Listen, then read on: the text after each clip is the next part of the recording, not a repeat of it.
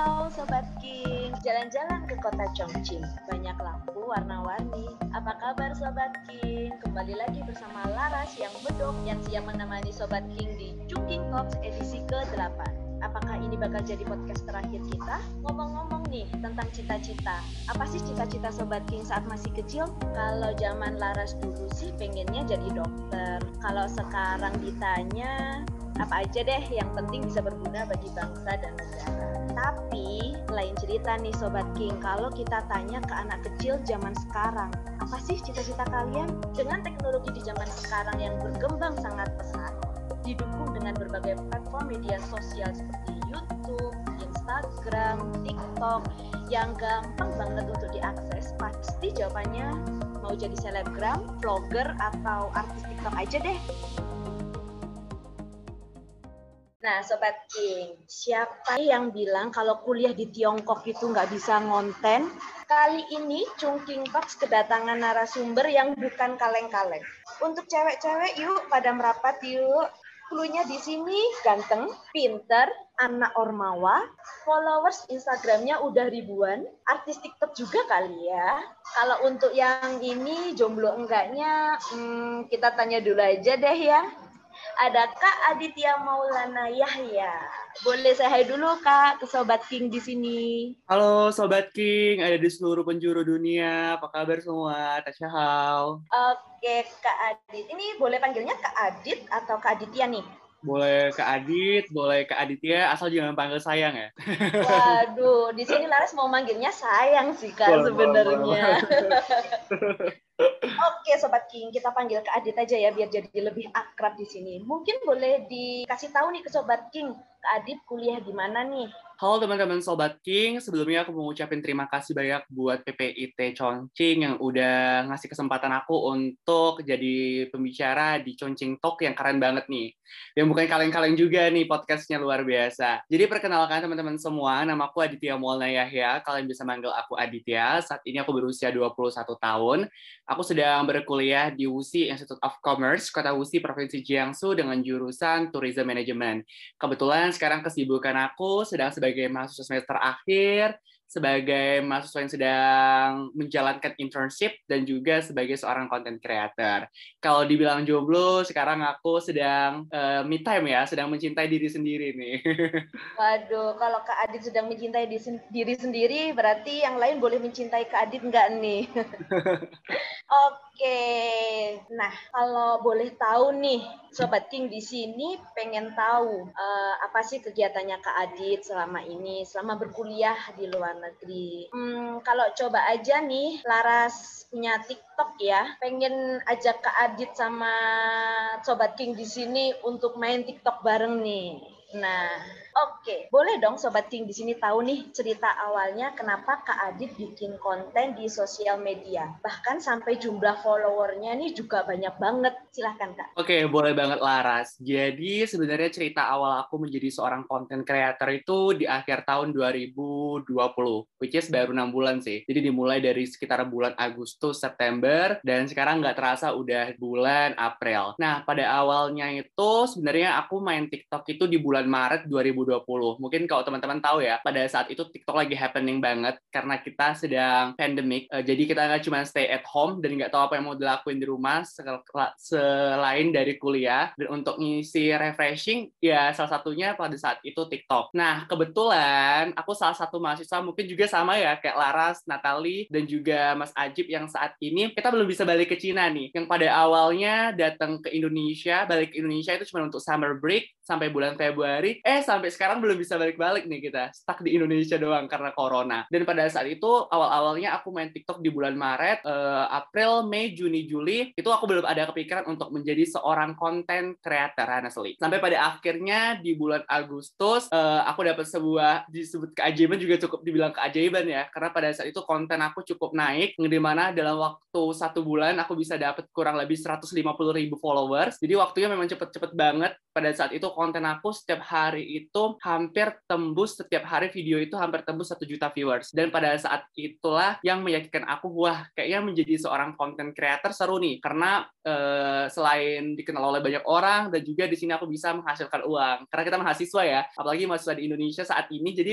nggak dapat uang jajan nih. Jadi cari cara gimana nih bisa biar bisa dapat uang jajan. Nah salah satunya uh, rupanya menjadi seorang content creator cukup meyakinkan di era masa kini. Nah betul banget nih sobat King jadi kalau boleh Laras kasih ringkasan nih kayak kita tuh kalau bikin konten itu harus yang menghasilkan juga nih betul kan Kak Adit ya? Kalau untuk ide nih dapat ide dari mana aja sih Kak untuk konten yang Kak Adit buat ini? Laras udah lihat nih banyak banget dan bagus-bagus konten yang Kak Adit buat. Jadi insecure sih ya Hmm, BTW jangan diragukan juga ya kalau cewek itu jago stalking sobat king. Oke oke, nggak boleh dong insecure. Kita tuh semuanya itu punya kelebihan dan kekurangan gitu. Jadi uh, aku yakin banget dalam diri Laras pasti punya suatu kelebihan yang nggak aku bisa miliki gitu. Dan begitu juga aku punya kelebihan yang nggak bisa miliki oleh banyak orang. Begitu juga dengan kekurangan. Nah ide-idenya, jadi kan konten yang aku buat itu aku concern terhadap konten-konten tentang relationship, tentang friendship, bagaimana aku ngajak para kaum wanita untuk support sesama kaum wanita. Bagaimana juga aku ngasih tahu tentang suatu hubungan, bagaimana aku juga ngasih tahu biasanya aku juga sekarang lagi seneng banget bongkar-bongkar rahasia rahasia cewek sama cowok biar menghindari dari overthinking nih. Mungkin buat teman-teman yang sering overthinking tiap malam bisa langsung cek di TikTok aku. Nah, awalnya dapet ide eh, pertama kali itu nggak kepikiran juga sih karena pada saat itu kan awal-awalnya aku main TikTok aku nggak tahu nih concern apa TikTok yang mau aku buat. Jadi aku cuma buat konten-konten yang hanya lagi lagi happening aja nih. Misalnya ada lagi happening buat uh, dance dance oke okay. misalnya ada lagi happening buat kayak sesuatu apa gitu aku ikutin nah tapi pada saat bulan Agustus itu salah satunya aku terinspirasi dari salah satu content creator kalau teman-teman tahu ada Alni Hendrix nah jadi dia buat konten yang uh, relate sama kehidupan anak muda masa kini. Nah, terus aku ikutilah salah satu konten dia, tetap jangan lupa ya teman-teman misalnya kita uh, ngikutin konten orang, apalagi uh, seperti copy paste, jangan lupa untuk buat inspired by. Jadi biar kita menghargai dari kinerja konten creator tersebut. Dan pada saat itu aku ngikutin salah satu video dari Alne Hendrix dan mendapatkan viewers yang cukup banyak. Pada saat itu hampir 3 juta viewers. Nah, dari saat itu aku ngerasa nih, setelah aku teliti-teliti, kayaknya ini sih yang dibutuhin oleh pengikut aku yang mereka suka tuh dari konten-konten aku tersebut. Nah, dari situlah aku dapat ide untuk terus sampai saat ini untuk buat konten-konten yang benar relate sama kehidupan mahasiswa, relate sama kehidupan anak muda, seperti itu Laras. Wow, keren banget sih Kak. Sampai yang nonton itu berjuta-juta viewers. Wow, wow, wow. Boleh dibilang Kak Adit ini sudah jadi selebgram ya Sobat King? BTW terima endorse gak nih Kak? aku seriusan deh kalau dibilang sebagai selebgram, aku kayak masih berasa belum deserve untuk menjadi seorang selebgram. Orang bisa bilang aku menjadi seorang influencer pun aku kayak belum masa sih aku sebagai seorang influencer? Karena menurut aku menjadi seorang influencer itu bukan suatu hal yang mudah. Karena kalian bakal menjadi trend center semua orang bakal ngeliat kalian dan itu pertanggungjawabannya bukan suatu hal yang mudah juga. Jadi aku sekarang bisa diomongin sebagai content creator ya masih oke okay lah. Nah kalau untuk berbicara endorse sekarang aku gabung ke salah satu manajemen. Jadi untuk urusan endorse uh, dihandle sama manajer aku. Uh, tapi beberapa kali juga aku saat ini ikut beberapa campaign dan beberapa endorse di awal bulan Januari sampai akhir Maret kemarin yang lumayan lah cukup nambah-nambah di uang jajan Nah, benar nih buat Sobat King. Mungkin ada di sini Sobat King yang lagi bikin usaha kecil-kecilan nih Kak. Karena kan sekarang lagi di tengah pandemi juga. Mungkin boleh minta tolong ke Kak Adit biar biar bantu promosi nih biar dagangannya Sobat King laku keras. Oke. Okay.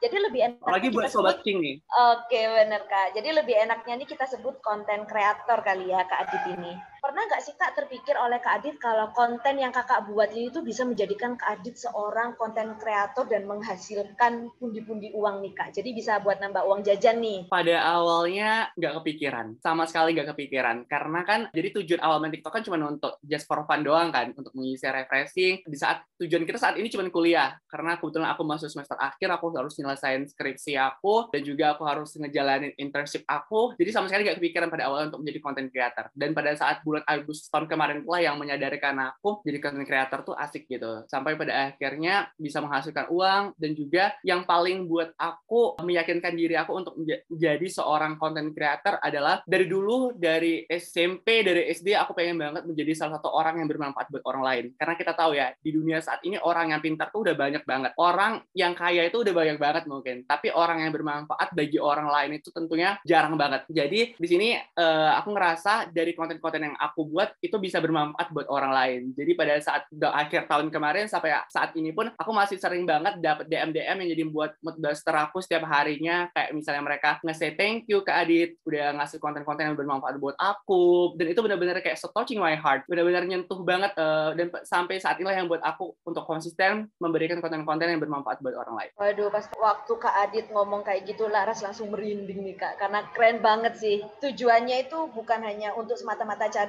masukan lain nih Kak ya buat uang jajan tapi ada tujuan mulianya seperti itu sobat. Nah kalau untuk persiapan membuat konten nih, bagaimana dan apa aja sih yang perlu untuk Kak Adit persiapkan? Apakah susah atau ya gampang sih seperti itu? Uh, kalau dibilang susah, gimana ya ngomongnya bisa dibilang susah-susah gampang lah ya menjadi seorang content creator karena untuk persiapannya itu terkadang misalnya lagi spontan ya dibilang cepat juga lumayan cepat. Tapi misalnya kita menyiapkan sebuah konten yang benar-benar harus dipikirin itu perlu analisa banget. Jadi terkadang persiapan yang aku buat biasanya aku satu butuh satu hari. Itu kalau bisa aku kasih tau nih bocoran sama teman-teman jadi biasanya aku tuh pagi-pagi bangun tidur langsung breakfast langsung mandi. Setelah itu eh, sekitar jam 11 itu itu waktunya matahari lagi cukup bagus ya. Jadi lagi pas-pas banget nih. Jadi biasanya jam 11 aku buat konten sampai jam 12 karena 12 udah cahayanya udah nggak terlalu bagus. Dan biasanya sore aku sambung lagi untuk buat konten. Dan pada satu hari itu biasanya aku udah nyiapin untuk konten seminggu aku ke depan tuh. Jadi bisa berapa kali ganti baju ya laras? Gitu. Bisa satu dua tiga kali ganti baju untuk dalam waktu satu hari biar kontennya itu konsisten aku setiap minggu buat konten. Karena misalnya setiap hari harus tag video pun takutnya kita nggak ada waktu karena kita juga masih ada kuliah dan hal-hal lain gitu. Kebetulan sekarang aku juga lagi sibuk di PPI Dunia dia juga lagi ngehandle beberapa acara. Jadi uh, misalnya harus tag video setiap hari, menurut aku tuh bakal ngabisin waktu cukup banyak.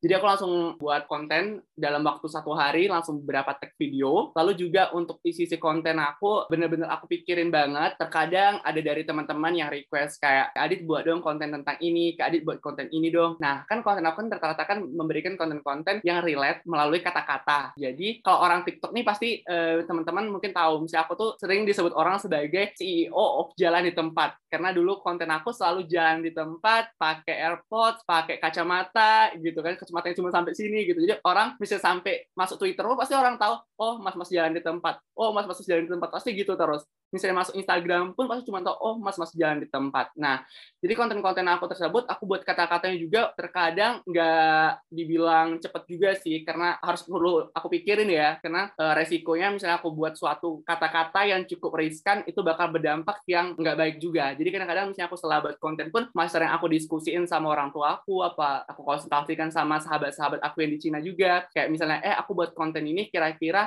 pas nggak ya? Apalagi misalnya kita buat sebuah konten yang cukup riskan. Contohnya pada saat itu aku pernah salah satu video video aku yang cukup naik. Pas itu aku buat video tentang salah satu mungkin teman-teman tahu ada salah satu influencer atau artis Indonesia yang cepet yang cukup mempermasalahkan dengan kata-kata anjay. Nah, aku buat kata-kata tersebut. Jadi aku bilang daripada ngurusin kata-kata itu sekarang tuh di, di Indonesia masih banyak loh yang harus diurusin. Misalnya masih banyak pemerkosaan terhadap anak, masih banyak eksploitasi daripada cuma mikirin sebuah kata simple anjay. Dan aku buat kata-kata itu itu kan cukup riskan sekali ya misalnya aku takut menyinggung atau ada ada ada hal-hal yang lain. Jadi aku konsultasikan sama orang tua aku, aku konsultasikan sama teman-teman aku. Kira-kira kalau aku buat konten ini ada ada yang menyinggung nggak ya? Kalau kata mereka enggak. Oke aku gas Bismillah. Eh alhamdulillah bisa dapat berapa juta viewers. Terus banyak juga masuk ke akun-akun Instagram dan juga beberapa konten aku sering di up di salah di snapgram snapgram akun-akun selebgram selebgram Indonesia. Jadi itu suatu hal yang luar biasa sih buat aku. Jadi kalau dibilang uh, persiapan untuk buat konten, dibilang gampang nggak juga, dibilang susah juga ya nggak juga. Jadi cukup dibilang susah gampang deh.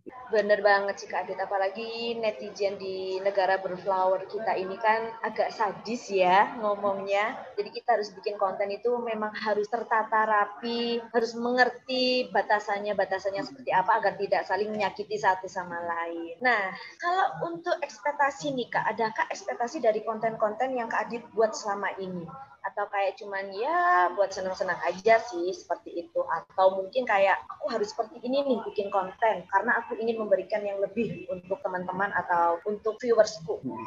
Oke, okay, kalau dibilang ekspektasi secara realistis adalah ya, kita pengen ekspektasinya punya viewers yang banyak, pengen dapat viewers uh, lebih dari berapa juta, pengen dapat like banyak, pengen dapat uh, di komen banyak, pengen di share, pengen masuk akun-akun gede di Instagram maupun Twitter. Tapi terkadang hal itu malah yang cukup ngebebanin aku sih secara pribadi. Karena pada awalnya di awal-awal main TikTok kan aku cuma just for fun. Eh tapi dapat rezeki kalau punya banyak followers banyak rezeki dapat rezeki punya banyak viewers. Nah pada saat itu di akhir tahun itu uh, aku orangnya cukup ambisius nih. Jadi aku setiap buat konten aku selalu ada target aku buat konten hari ini oke okay, target aku aku harus dapat sekian nah tapi sekarang karena aku juga menyadari bahwa anak Indonesia tuh kreatif kreatif loh anak Indonesia itu nggak kehabisan talenta. Jadi di TikTok itu hampir setiap hari selalu ada konten creator baru, konten creator baru. Nah, which is kita yang lama-lama ini kan mulai sedikit pamornya istilahnya menurun, menurun, menurun. Jadi beberapa bulan yang lalu juga sempat viewers aku tuh nggak menyampai targetnya sesuai dengan ekspektasi aku. Yang pada awalnya aku misalnya nge-ekspektasiin, oke, okay, ini dapat 500 ribu viewers nih pasti. Eh, rupanya cuma dapat 30 ribu. Nah, pada saat itu aku sedih, kayak hopeless banget, udahlah malas banget lah buat konten gini-gini gini. Tapi setelah aku menyadari dari uh, sebenarnya viewer, viewers bukan merupakan tujuan aku untuk menjadi seorang content creator saat ini. Yang terpenting adalah bagaimana konten yang aku buat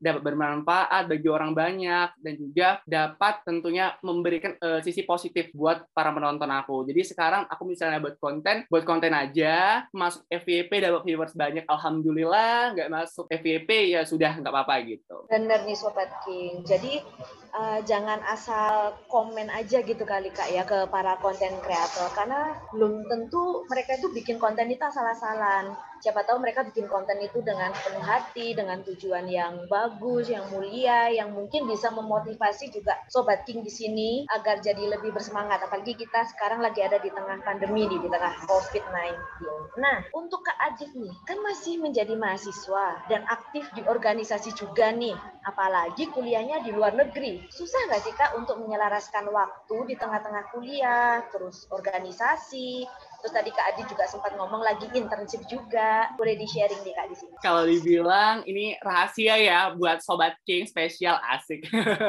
Jadi sejujurnya cukup keteteran pada awalnya. Karena kalau dibilang aku sekarang uh, mungkin setiap harinya tuh aku megang tujuh kegiatan.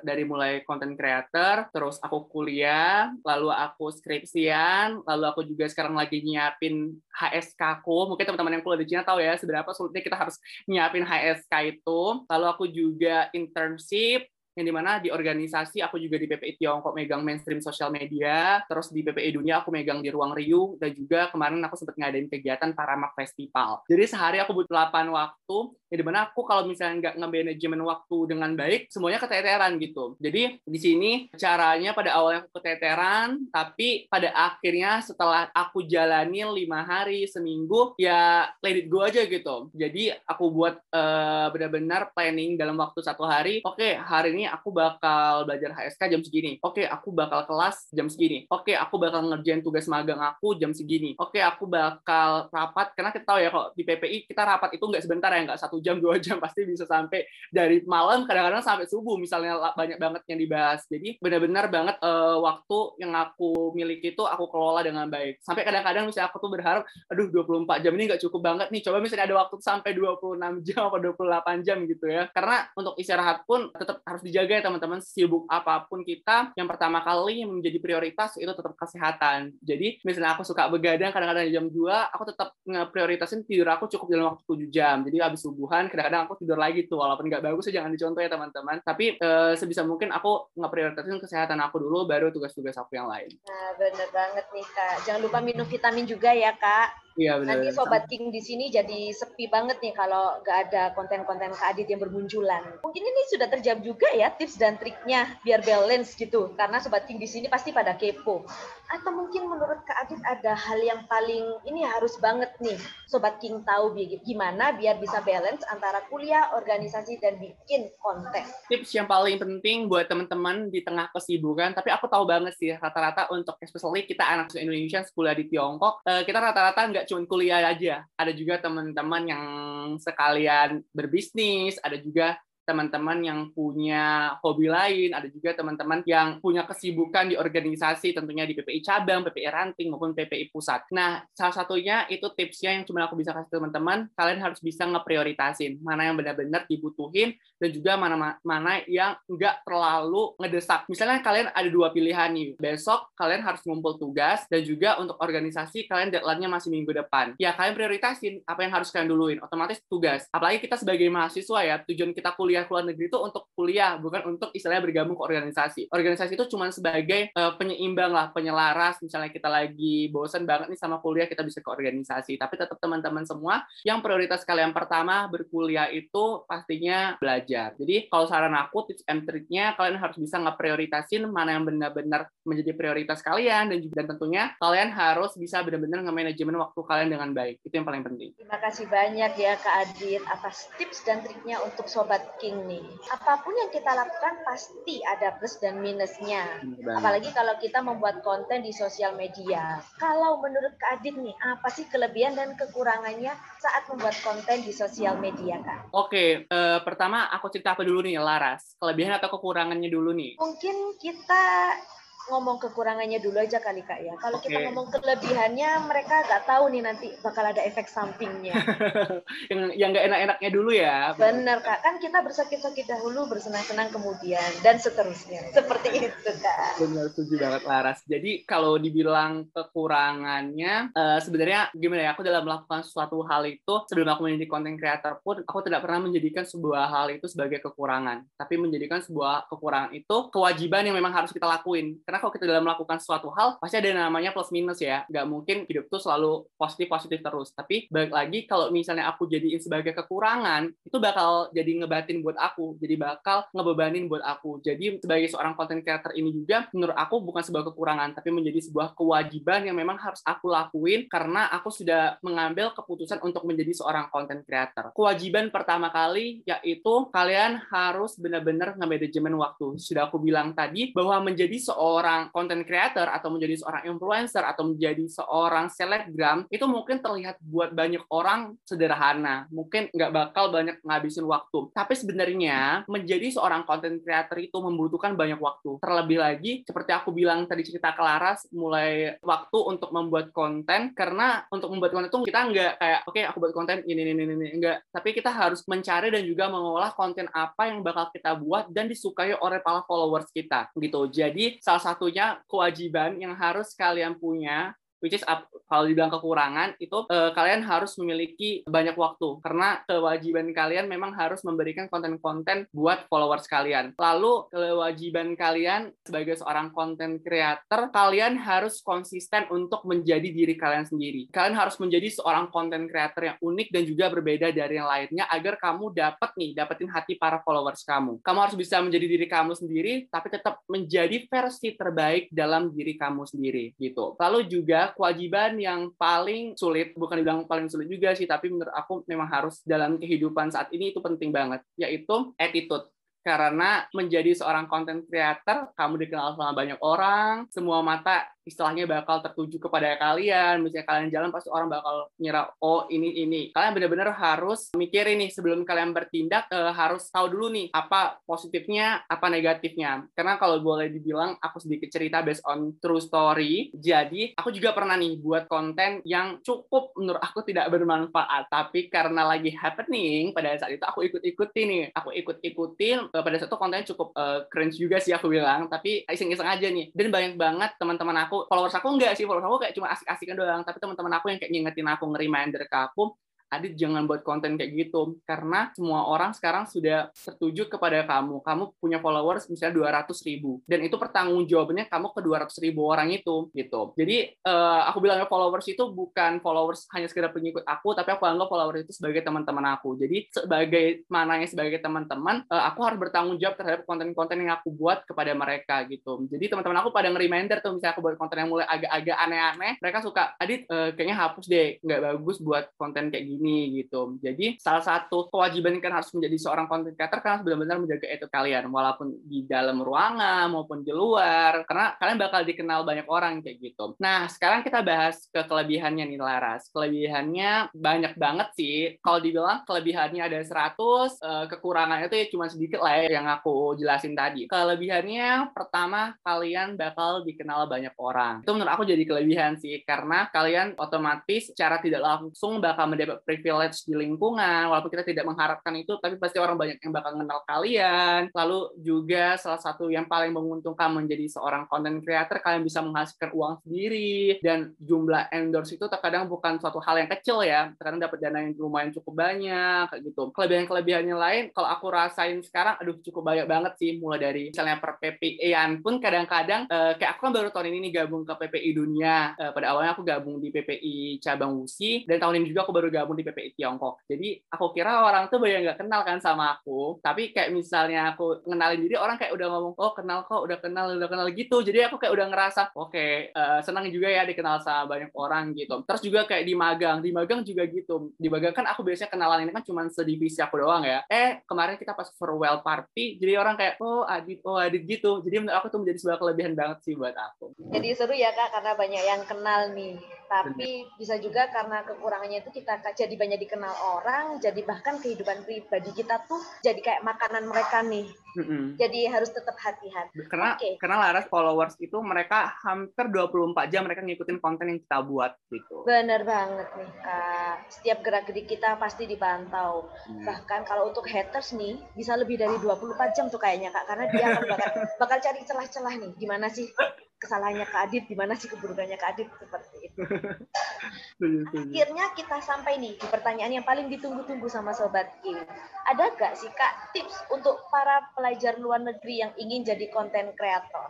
Atau mungkin Laras juga pengen sih jadi konten kreator kayak Kak Adit juga boleh nih kak cerita-cerita. Boleh banget, boleh banget. Aku tuh biasa, aku seneng banget misalnya ada anak PPI Tiongkok yang juga coba dong kalian main TikTok bareng gitu kan. Kayaknya seru nih, misalnya kita uh, di Cina nanti, kebetulan kita Cina ada Douyin ya, tapi untuk di sini pamornya belum cukup naik. Tapi kalau di Cina malah kita nggak tahu TikTok, orang pada tahu Douyin. Tapi aku seneng banget nih misalnya kayak teman-teman aku yang dari Tiongkok sekampus, malah aku yang ngajakin. Misalnya aku tahu nih dia punya passion di mana nih, uh, dia bisa masak atau bisa dia punya passion di dunia otomotif. Kayak aku bilang eh ayo dong buat TikTok bareng eh ayo dong kamu buat TikTok juga kayak gitu. Jadi aku sering banget sama teman-teman aku khususnya yang kuliah sekarang di Cina kayak uh, ngasih tips and trick terus juga ngasih semangat mereka. Biasanya kan kalau kita ya anak muda ya suka insecure duluan ya kayak duh malas ah mau buat konten uh, aku insecure nih dia aku gini gini gini gini. Aku bilang enggak enggak usah ayo aku yakin banget pasti kamu bakal terkenal gitu. Pasti kamu bakal dapet followers banyak.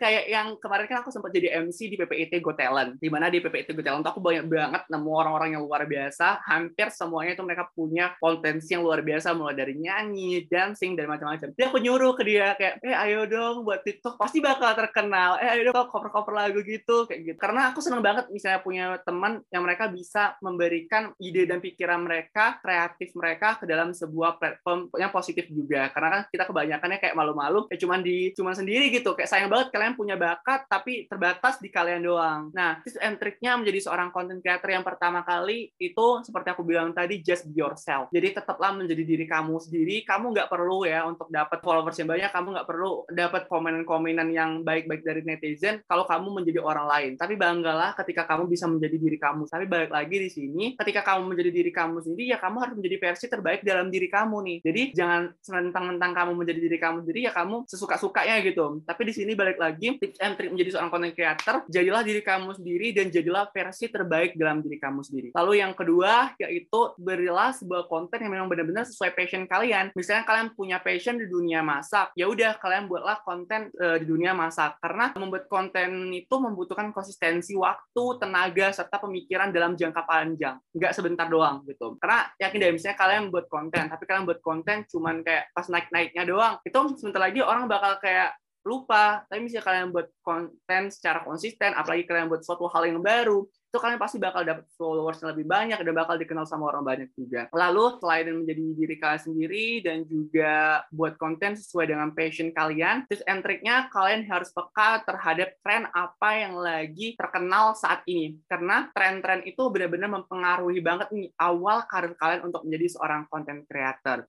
Jadi sebagai content creator kalian harus nih peka terhadap apa nih tren-tren jenis-jenis konten yang populer, topik apa yang lagi diminati, atau teknologi apa yang lagi diminati, atau misalnya di TikTok hal simple itu apa musik yang lagi happening. Itu sangat mempengaruhi banget awal mula kalian untuk menjadi seorang content creator. Lalu juga selain itu kalian harus terbuka dengan kolaborasi, kalian bisa collab-collab antar content creator. Saat ini kita udah lazim banget ya lihat misalnya content creator ini eh collab sama content creator yang lain. Itu salah satu cara yang cukup worth it banget untuk awal awal karir menjadi seorang content creator. Lalu yang paling penting selain dari hal yang aku sebutin tadi, yaitu konsisten. Karena konsisten itu menjadi sebuah tantangan terbesar yang harus kalian hadapi menjadi seorang content creator. Dan juga hal ini juga yang bahkan bisa dibilang menjadi penyebab utama kegagalan sebagian besar content creator belum mampu mencapai kesuksesannya. Jadi yang aku bilang tadi, menjadi seorang content creator itu butuh jangka waktu yang panjang, nggak cuma kayak satu bulan, dua bulan, sudah kalian naik, ya udah kalian tinggalin. Tapi kalian terus aja buat buat konten-konten konten terus, konsisten, konsisten.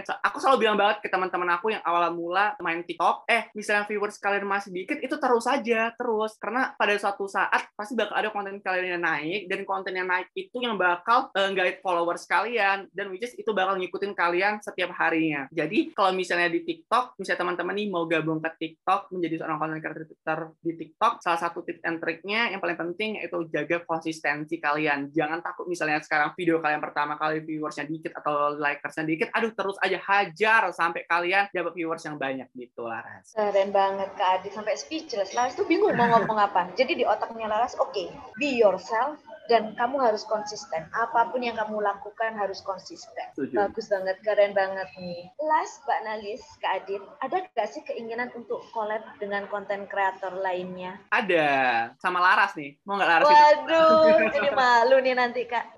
Kak, uh, abis gini OTW download. By the way, PPT Chongqing ada TikTok nggak nih? Wah, iya nih ya. Kayaknya PP itu Congci harus bikin TikTok. Nanti oke okay, Laras siap jadi modelnya sih Kak. Nanti aja collab Kak Adit ya.